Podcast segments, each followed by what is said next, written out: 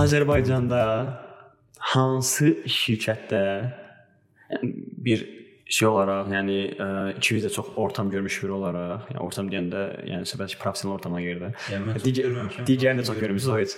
Amma yəni professional ortam olaraq hansı şirkətdə işləmək istəməzdiniz və niyə? Okay. Sən tam səmimi fikrimi deyim. Bro, ən bu dəqiqə ən çox istədiyim şey odur. Doğrudan. Vallahi. Sənə bu günə qədər səmimi olmadığım qədər sənə səmimi cavabımı verəcəm. Bro, indi kimi o qədər mən səmimi olmam sanki. və hal-hazırda bu Fərqi hiss edə bilmədim. bu bunu biləcəm ki, sən çox səmimisən. Azərbaycanda heç bir şirkətdə işləmək istəməzdim. Ayda. Səbəbini deyim. Səbəb üzdü hə biraz. Bro, sən dedi. Və bir dəqiqə bunu Bakıda oturub çəkməyimiz. Aha. Ə, açığı belə ə, uşaqlardan, uşaqlardan biz podkast dinləyicilərindən belə səhv başa düşülməsin. Ə, onlardan üzr istəyərək bir dənə belə bir egoist davranış eləmək istəyirəm. Of, elə bro. Hə. Ə, deməli, niyə işləmək istəməzdim? Mən elə bil ə, Azərbaycandakı ə, məhsul bəxər sən dediyin şey var idi, product mindset məsələsi var. Onları məsələn mən uzun müddət müşahidə eləmişəm, görmüşəm. Heç müşahidə etmək ehtiyac yoxdur. Yəni sadəcə belə izləmək yetərlidir. Görmüşəm, hər zaman məsələn ağlıma nə gəlir? Ə, mən gedib hər hansı bir kimlərəsə başa düşməyən birisini gedib bunu izah eləsəm belə, öz məsələni izah eləsəm belə, özümü yormaq əvəzinə başqa bir şey deyə bilərəm deyə fikirləşirəm. Yəni o ki mənim deyə biləcəyim sözün heç bir əhəmiyyəti olmadığı halda, halbuki deyək ki, məsələn, yaxşı deyək ki, ə, yaxşı bir pozisiyada o deyək olduğumu işləyirəm. Ə, özümü mü- müdafiə etdiyim halda bunun heç bir mənası olmadığı zaman mən bunu demək istəmirəm. Ebi yox, qoy dedikləri olsun. Ebi mən maaşımı alım, davam edeyim. Mən açıq məsələn onu heç vaxt özümü sığışdırmaram. Mən əgər ki öz məhsulumu müdafiə edirəm, amma və bunun ciddi bir dokumentasiyasını təqdim edirəm və sübut edirəm ki, bax bu məhsulun tələbi buna ibarətdir. Əgər ki o ə, ciddi bir şəkildə məsələn feedback verilmirsə, yox, mən deyirəm ki, bu belə olmalıdır, amma bunun heç bir altyapısı doldurulmur. Mən orada özümü sığışdırmam, oradan çıxaram. Tamam, məsələn bir sual verim. Hı -hı. Bəs nəyə görə deyək ki, bu söhbəti başa düşən, okey, elə o qədər adam var ki, də məsələn okey deyir ki, mən gedir müdafiə edirəm. Amma heç nə olmur başa düşdün? Yəni boşdur. Amma həm hə- orada da davam edir, düzdür? Nəyə görə məsələn bu tipli insanlar 99% belədir də. Yəni çox az adam deyər ki, mən işte okey, mən orada işləmərəm, vezmə də deyil. Yəni, Təki mənim öz istədiyim kimi olsun başa düşdün? Nəyə görə məsələn bu insanlar orada qalır? Çünki bu insanlar öz işlərinə hörmət eləmirlər Oyda. və bu insanlar ə, qorxurlar. Linç yeri. Hə, yox, doğrudan, doğrudan səmimi deyim. Ə, qorxurlar niyə? Pulsuz qalmaqdan qorxurlar. Ə, öz komfort zonlarından çıxmaqlarından qorxurlar, pulsuz qalmacaqlarından qorxurlar, yəni. Ə, və o qədər özlərinə güvənmirlər ki, özlərinə güvənmirlər ki, onlar hər zaman elə bilirlər ki, burdan çıxsaq biz heç bir yerdə işləyə bilməyəcəyik. Ona görə onlar hər zaman onların üst təbəqələrində olan şəxslərdən ömürlərinin axırına kimi hər zaman sözləşəcəklər. Heç vaxt da dedikləri məhsul reallaşmayacaq. Öz dedikləri müdafiə etdiyi məhsullar reallaşmayacaq. Nə vaxtda ki o şəxslər onlar təsdiqləyəcək, onlar reallaşacaq. Bax məsələn, sizə bir maraqlı bir bir şey deyim. Bax məsələn, mən əgər bir şirkətə daxil oluram, ə, deyək ki, mən ə, head of product üzərində deyək ki, məsələn, bir işləyirəm deyək ki, ə, mən özümə bir komanda yığıram. Məsələn, mən deyirəm ki, filan adam mənlə işləməlidir. Nə bilim, ə, bu adam mənlə işləməlidir. Niyə mənlə işləməlidir? Çünki bu adamın çox ə, uğurlu bir şəkildə ə, fəaliyyətini görmüşəm. Ə, bu adam çox yaxşı şəkildə işləyir. Mən bu adama güvənirəm. Mən məhsulun şöbə müdiriyəm deyək ki, düzdür? İşte bu belə olmalıdır. Başa düşdün? Yəni mən bunun ə, açıtını verməməliyəm və yaxud report etməməliyəm ki, sən Allah bunu götürək də iş elə. Başa düşdün? Axı mən bu adama güvənirəm. Söhbət məhsul deyil. Sən pul qazanmağın deyil. Fisio sən elə bil nə bilim öz sadəcə təsdiq elədiyin insanlar bura gəlməli deyə bir şey yoxdur. Başa düşdün? Bu mənim komandamdır və mən bunun məsuliyyətini tam üzərimə götürürəm. Başa düşdün? Bizə təəssüf ki, belə deyil. Məsələn, əgər sən bir adama çox güvənsənsə, əgər bu adam desə ki, məsələn, bu bu nə vid fasonda shortiklə gəlib bunu götürəcəksən işə və ya nə bilim ona rəngli köynəklərdə üstündə sklet falan geyinib eləyib ki, zaten bunu eləyən şirkətlər var. Azərbaycanda çox böyük, böyük, böyük, böyük banklardan biri var. Ə, məsələn, əgər bunu eləyə bilirsə, oradan Azərbaycanda hər hansı bir məhsulun inkişaf etməsini çox gözləyə bilmərik təəssüflər olsun ki. Bəs bir dənə sual gəlir. Çox iddialı cümlələr qurdunuz Arşamədim və bunun arxasını bunun arxasını doldurmanızı istəyirəm. Tam olaraq elə deyil. Tam da o yox. Hə. Bəs bu adamlar ki qalır ev. Orada məsələn okeydə çıxmırlar. Deyirlər ki, biz qalacağıq, düzdür. Əm, Nə nə nəsə görsə qalır. İndi bilmirəm sənin dediyinə görə qalır, yoxsa başqa şeyə görə qalır. İndi ola bilər də onlardan da bəzi qonaqçılar çıxmasın, narahat olmayın. Onlar da öz fikirlərini şey edəcəklər. Müdafiə edəcəklər. Ə, ə, Bu adamdan qalması səncə bir müddət sonra adamların mindsetinə təsir edirmi? Kimin? Bu məsələn ki, product owner mu deyək və yaxud da digər e, UX researcher mu deyək və yaxud da ki, e, developer mən belə baxanda adamın da product mindset olmalıdır. Mən bir səviyyədə timdədirsə əgər. E, Məsələn bu adamın orada qalması bir müddət sonra okey çıxmır ki, çünki mən düşünürəm ki, ə, şeydə işimi itirəcəm yaxud nə, nə nəyisə görə. Düzdür. Bu adamın orada qalması o adamın səncə mindsetinə təsir edir növbəti müddətdə? Mən sənə milyard faiz əmin edirəm ki, o adamların mindsetini artıqlamasına təsir eləyir. Azərbaycanda ümumiyyətlə ən böyük ə, problemlərdən birisi inkişafsızlıqdır. Həmin şəxslərin inkişafsızlığıdır. Bu biraz bilsən nəyə oxşayır? Azərbaycanda bir dənə ə, bir dənə off topic mövzudur düzü, biraz ə, əri çörək məsələsi var. e. O həmin şəxslər özünü inkişaf elətdirməyən və həmin o inkişafsızdan qorxan insanlar sözün əsl mənasında elə əri çörəyi yeyirlər. Düşdün? Yəni bu biraz ə, çünki elə deyirlər ki, o hər zaman var olduqca mən onun təsdiq fikirlərini təsdiq edəcəm. Mən burada qalacağam deyə fikirləşirlər. Və normal olaraq da bu mindset ə, qalıcı olur və 2018-ci ildə ki olan ə, uğurlu fəaliyyəti 2023-də də davamlı olaraq gəlir və adamlar 2023-dəki məhsulun tam olaraq necə aparılması haqqında məlumatı olmur.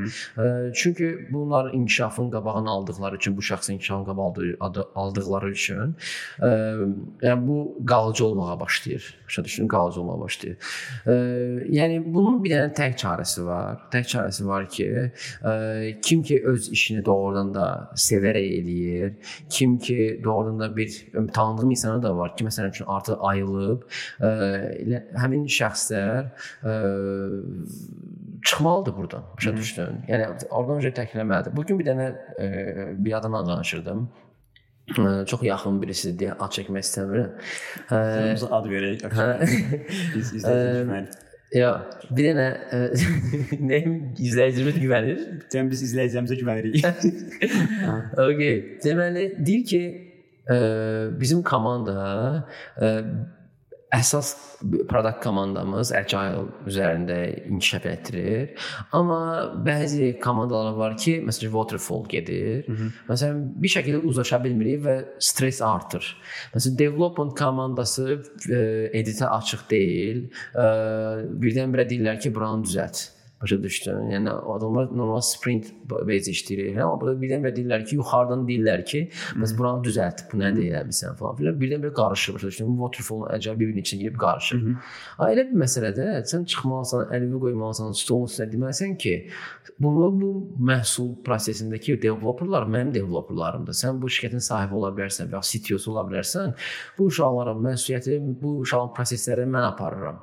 Okay? Bu uşaqlar o editi eləməyəcək. Hə? Sən elə desən mən qəbul edərdim. Doğrudan biləməzsən. Əgər yox, o editi sənə elətdirirlərsə, elətdirirlərsə, sən elə yerindəcə sənə dəyər verəcək bir şirkətə girib işləməlisən və ərizə yazmalısan. Bəs bir dənə sual verim. Amma ki, suallar verirəm də Allah. Hə, bir dənə belə bir sual verim ki, ə, səncə Azərbaycanda product məntiqinin tətbiq olunduğu hansı bir şirkət var? Product ə, 3 dənə şirkət var, 3 dənə. 3 dənə şirkət. Bu emotik. Açığı belə deyim, ə, mən açığı Paşabankın komandasını bəyənirəm. Ə, belə hər iki komandasını bəyənirəm. Korporativov da həmçinin fərdi komandasını bəyənirəm. Product ownerli komandasını bəyənirəm. Düz daxili komandalarının proses necə gedir bilmirəm, amma belə komanda olaraq yaxşı inkişaf etdiklərini fikirləşirəm. Ə, Belə həm də belə ə, gördüyüm qədərilə. Təbii ki, bu işin şou tərəfi də ola bilər gördüyüm qədərilə, amma ki komandadakı uşaqlardan bəzilərinə məsələn istinadən deyirəm ki, okey məsələn üçün yaxşı ola bilər, yaxşıdır. Mən bu şey kimi demirəm. Məsəl üçün belə bacarıqlı kadrları var demirəm. Yəni şey kimi ola bilər deyirsən ki, okey, A birindən developerlar çox yaxşıdır falan. O mən demirəm. Sırf belə dedim, product məntiqinin tətbiq olunduğu, yəni o, o şey var da product ərsəyə gələn kimi O fəlsəfəni tətbiq etməyə çalışan bir bir şirkət Qətiyyən elə bir şirkət yoxdur. Mən sənə bunu necə necə deyə bilərəm? Həmin şirkətdə işləyən əməkdaşlarla sadəcə bir gün vaxt keçir. Görəcəksən ki, heç birisi xoşbəxt deyil. Okey, bu, bu yoxdur, düzdür. Bu adam çıxdı deyək. Deyirsən sən, sən bu çıxmalıdır oradan. Düzdür, bu iş yerindən çıxmalıdır. Niyə eləsin çıxıb? Buna bir dənə çox müdən maraqlı bir dənə cavab verim. Bizdə ə, bir AngularJS developer var idi, Hüseyn. Ə, qabaqları Digital Lab-də işləyəndə ə, o Azərbaycan hansı bir layihə üzərində işləyirdi. Azərbaycanda da AngularJS tapmaq çətindir. Sağ olsun, yəni Capital Bank bütün hamısını götürüb özünə. Ə, Bu uşağa ümumiyyətlə dəyər vermədilər.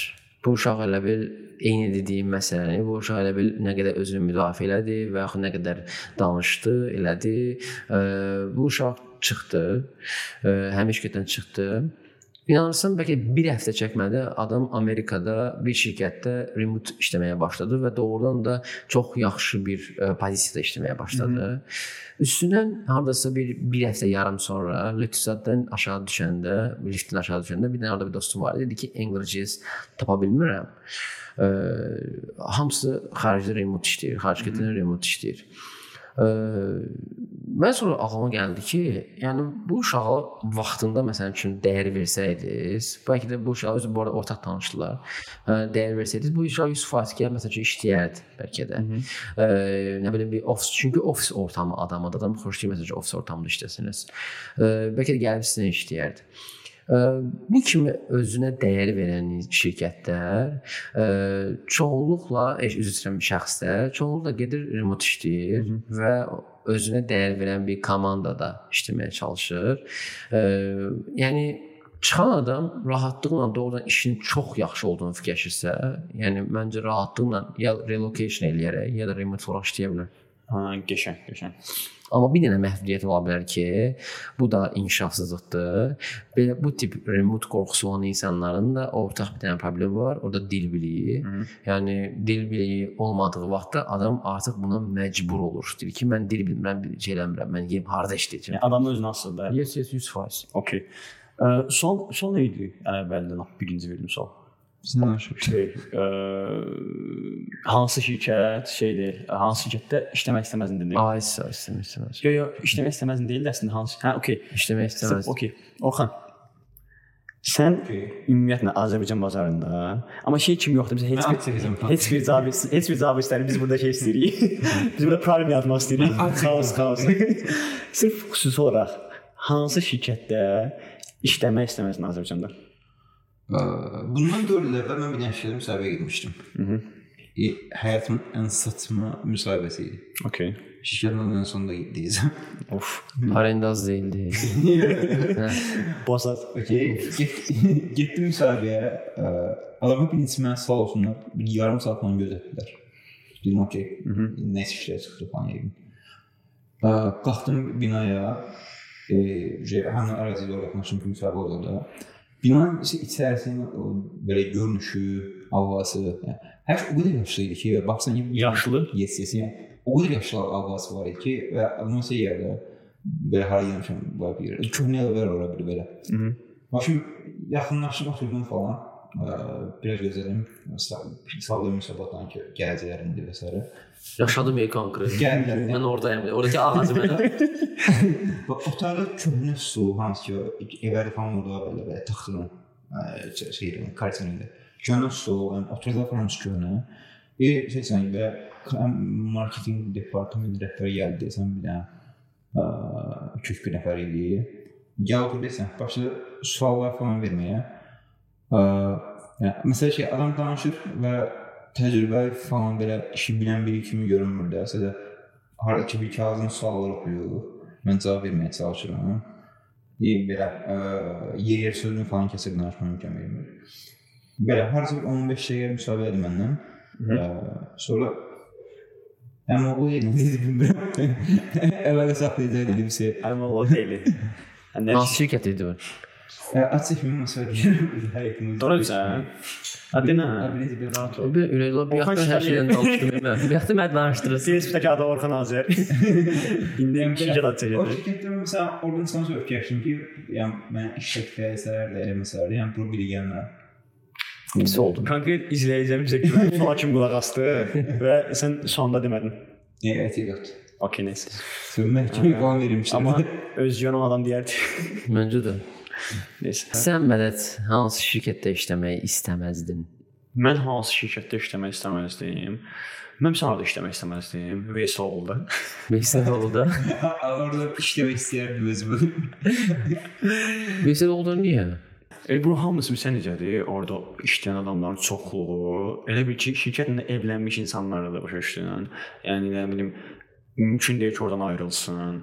Məsələn, ev ki 700-800 manat alır. Hamısı deyim yaxşı deyil. Orada işləyən tanışlar falan da var. Belə şey kimi var. Məsəl üçün inadi deməyim də amma belə sırf ə, maraqlı iş görən adamlar var. Ə, sadəcə ümumi olaraq, yəni bir 90%-dən yuxarı o şirkətdə işləyənlərin şey vardı. Məsəl üçün oradan ə, qorxular var. Plus da orada çox işin sırf spesifik uyğunlaşdırırlar ora başa ona uyğun şeylər öyrədirlər falan və sən istəsəməz bir kompetitiv bir olmursan da başa düşdün.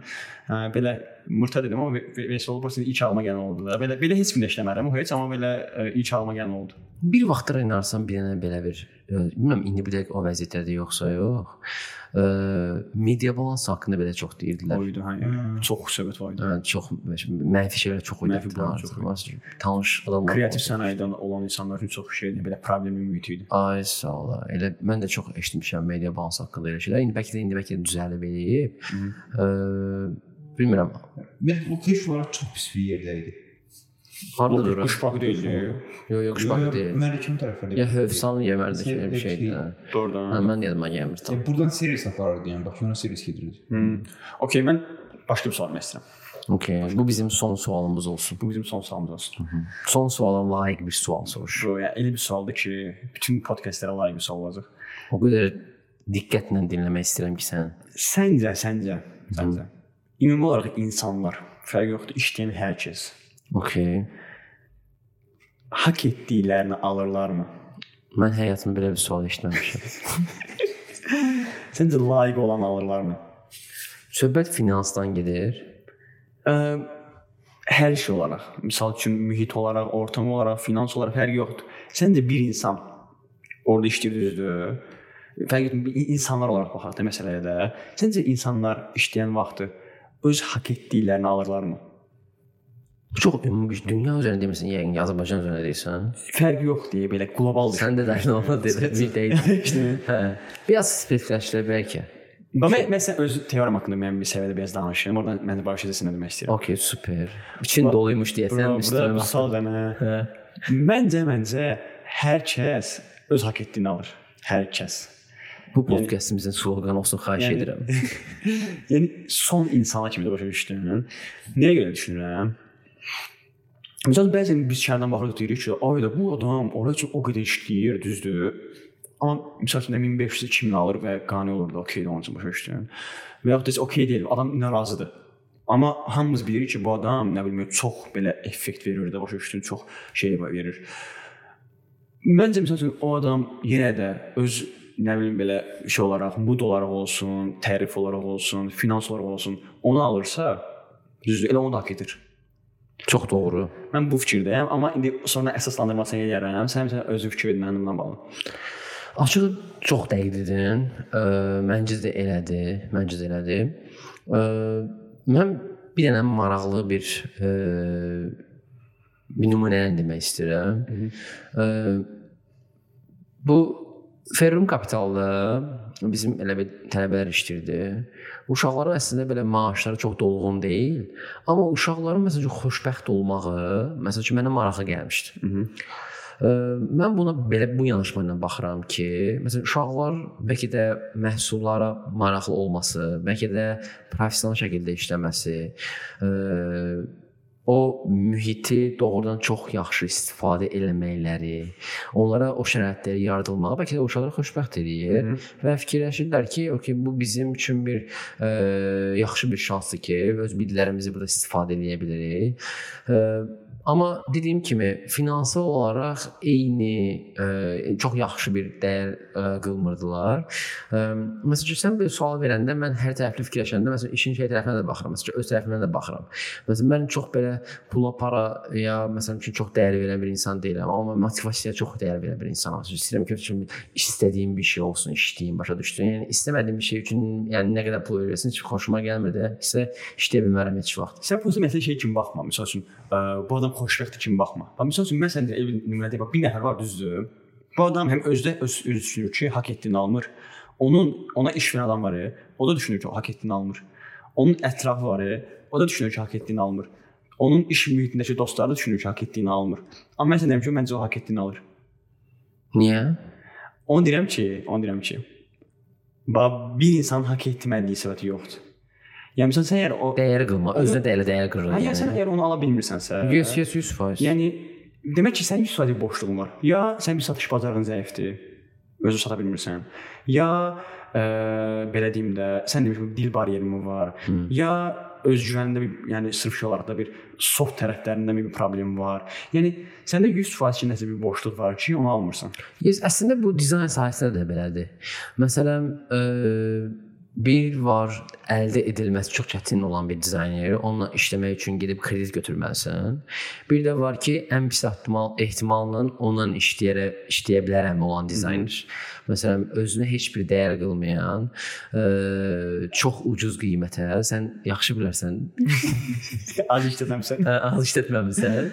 Hə, çox ucuz qiymətə işləyirəm və bundan xoşbəxt olan insanlar. Məsəl üçün mən o insana işləyən insanlara məsəl üçün normal yaxınlaşıram. Çünki bu adamın ə, e, dizaynerə biçdiyi qiymət budur və qarşı tərəf də buna etiraz eləmir və bundan xoşbəxtdir. Ə, e, o bu pulla e, milyoner olacağını fikirləşir və məncə bunu belə davam elətdirirsə, bundan məmnunsa və win-windirsə əgər bu, yəni bu çox doğal bir şeydir. Deməli onun haqq etdiyi doğrudan da odur. Mən açıq bir məsələdir. Məmnun deyilsə belə, yəni məncə haqq etdiyi odur. Yəni belədir. Mən haqq etmədiyi söhbətinə inanmıram. Yəni haqq etmədiyi söhbəti məncə yoxdur başa düşdün. Yəni adam hər kəs öz haqq etdiyini alır deyə düşünürəm. Sən nə düşünürsən Oxan? Sən buna etiraz edə bilirsən, debat olsun. Açıq mən şey düşünürəm bu mövzuda. Açıq mən şey düşünürəm bu mövzuda. Sən o dediyin o Sən yaxşı, yəni bir şey əgər bəzi adamlar olur məsələn deyir ki, mən indi falan şeylə məşğulam həyatımda, Hı -hı. nə bilim, X bir işlə məşğulam, amma gözləntim odur ki, bir gün mən falan şey edəcəm də. Ümumiyyətlə belə insanlar yəni həyatın bir nöqtədə tamamsı və cavab adamlar şey olurlar. Baxsan ki, 3 ildir, 4 ildir eyni şeydir, amma yəni həmin iki vəziyyətində də həyatda irəliləmir. Və Ya belə insan çox düşünürlər ki, mən əslində buna layiq deyiləm, amma bir gün bu layiq şey alacağımda. Okay. Burada məsələn sən dediyin şey gəlir biləsə ki, yəni əslində baş verən şey gəlsəydi, sən X bir ə, yəni dəyər alırsansa gündə 8 saat sərf edib, okey sən deməli yəni sən bazar dəyərin, sən real əslində budur. Və bunu bunlara alışmazsan. Əks halda isə yəni okey mən bazar dəyərim əslində bu deyil. Mən ə, əslində yaşlı layiqəm.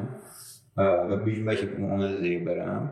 Amma görünür ki, bu 3 il, 4 il bu olduğu yerdə qalır. Yəni deməli sadəcə bu sən belə öz ağlındakı bir şeydir də, bu real bir yoxdur. Yəni bir sənəcədir. Yəni sən bunu haqq etməyə düşünürsən, düzdür? Getdinən də. Əgər bunu deyə bilmirsənsə, deməli orada nə sən sən özündə bir problem var, onu deyə bilmirsən. Düzdür? O bir bacarıq əksikliyi var. Sən də sən onu deyə bilmirsən və deyə bilmirsən başa düşdün. Yəni mən yenə başa düşürəm. Yəni hər bir bazar eyni səviyyədə rəqabətli deyil. Elə bir bazarlar var ki, orada o şeyi tutmaq daha rahatdır, özünü tutmaq daha rahatdır. Ayrıca daha çətindir bəlkə də bəzi şeylər eləmək falan. Amma hər bir halda yenə də bu səndən asılı olan şeylərdir də. Okay, uşaqlar, çox sağ olun dəyərli məlumatlarınız üçün. İnsan gərək doğrudan da özünə dəyər versin, öz zəhmətinə, öz həmçinin keçmişinə və gələcəyinə dəyər versin. Bir sonraki podkastda görüşərik. Sağ olun. Sağ ol. Siz də sağ ol demək istəyirəm inşallah. Mən sağ Sağ ol. ol. Ən çox mən sağ ol. Sağ ol.